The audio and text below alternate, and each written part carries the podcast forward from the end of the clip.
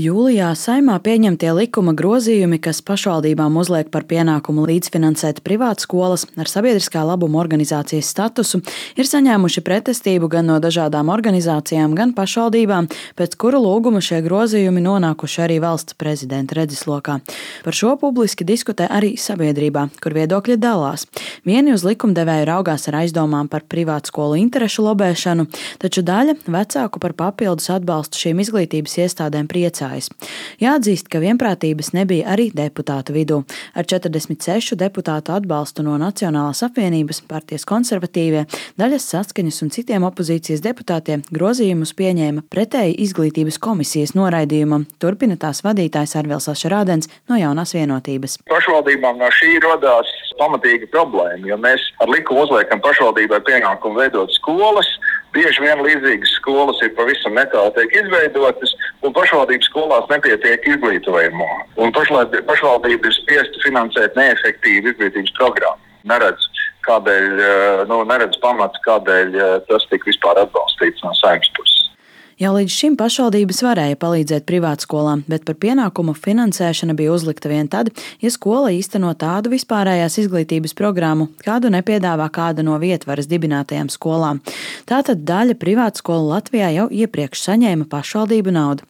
Priekšlikuma autors Ritvers Jansons no Nacionālās apvienības Latvijas radio skaidroja, ka šīs izmaiņas būs attiecināmas vien uz apmēram 20 skolām. Kuras ir šīs skolas, to Latvijas radio noskaidrot neizdevās. Tās nav minētas priekšlikuma anotācijā.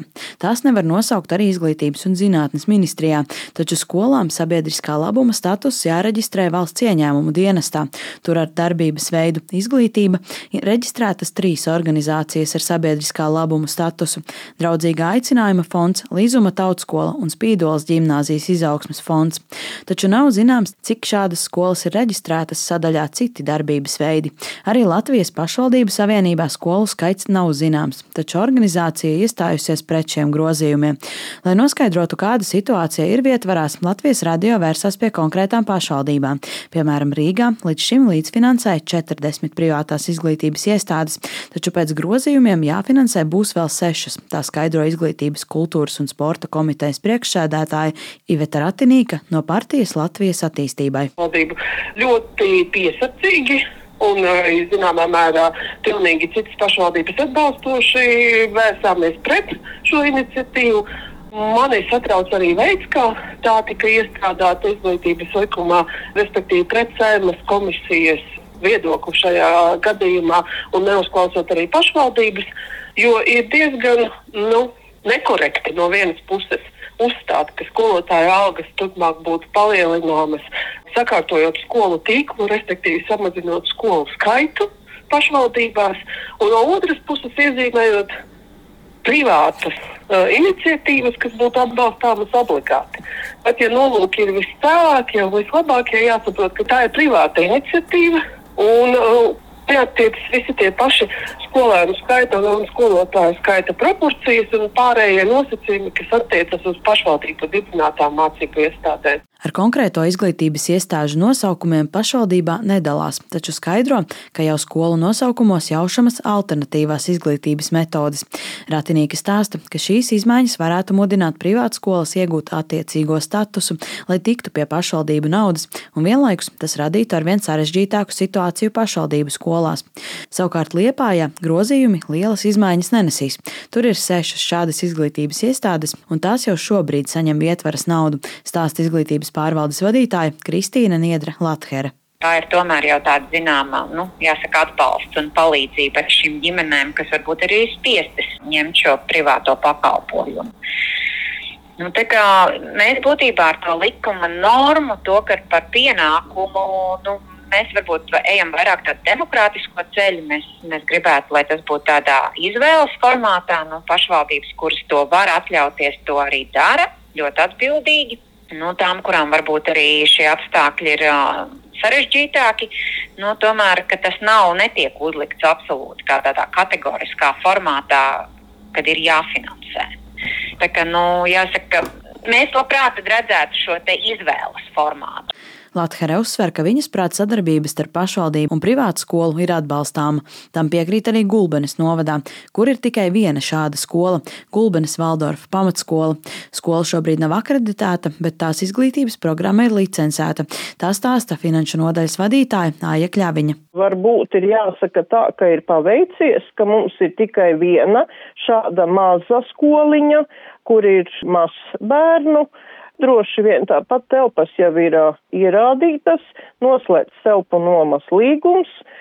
Droši vien, ja mums viņa ir jāuztur, tad, tad mums, protams, atkritīs nomas maksa, ko mēs viņiem pieprasam protams, kur ir iekļauts arī ūdens, kanalizācija, apkure, nu visi komunālie maksājumi, tātad šis maksājums mums atkritīs. Tas būs uz mūsu budžetu.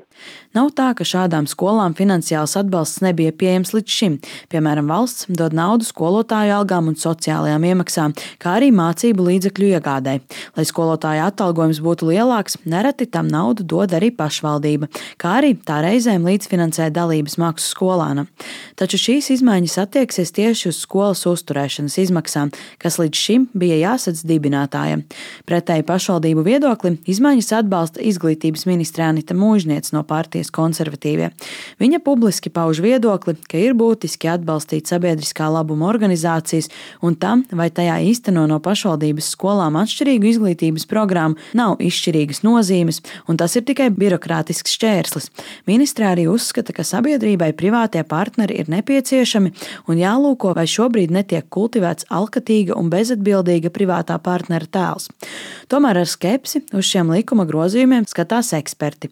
Ekonomikas geogrāfs Jānis Turlais arī norāda uz to, ka šāds lēmums neveicina skolu tīkla kārtošanu. Man šķiet, ka tas ir pilnīgi nepareizi, jo privātā skola nu, tas ir biznesa īstenībā, tā ir normāla uzņēmēja darbība. Un kādā sakarā pašvaldībām ar to būtu jānodarbojas, nu, kaut kādā ar atbalstu sniegšanu. Parasti atbalsts vai pašvaldības var kaut ko tādu vai valsts uzņēmumu darīt, ja ir kaut kāda tirgus kļūda vai kaut kas tam līdzīgs. Latvijā mums ir nu, tā situācija pilnīgi savādāka.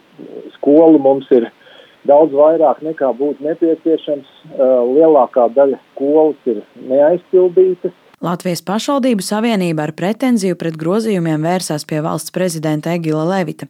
Viņš pēc tam aicināja ministru kabinetu sagatavot precīzu un korektu regulējumu par pašvaldību līdzdalību privātu skolu finansēšanā, nepieļaujot vietvaras naudas neliederīgu un necaurspīdīgu izlietojumu.